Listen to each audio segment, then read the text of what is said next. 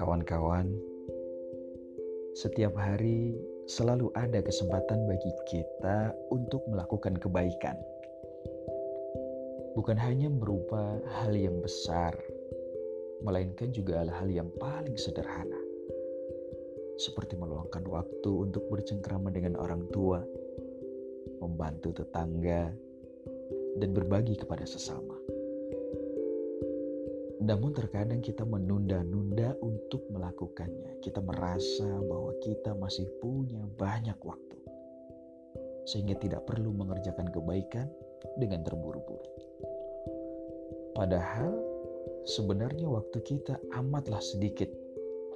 Kita tidak pernah tahu apakah Allah masih memberikan kita kesempatan untuk melakukan kebaikan esok hari atau justru Allah telah menutup pintu kebaikan itu dari kita.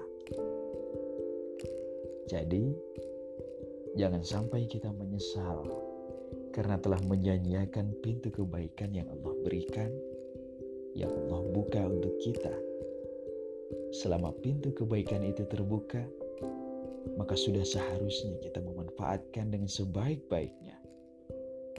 Semoga Allah senantiasa memudahkan kita untuk berbuat kebaikan. Kawan-kawan, lukislah kebaikan setiap hari.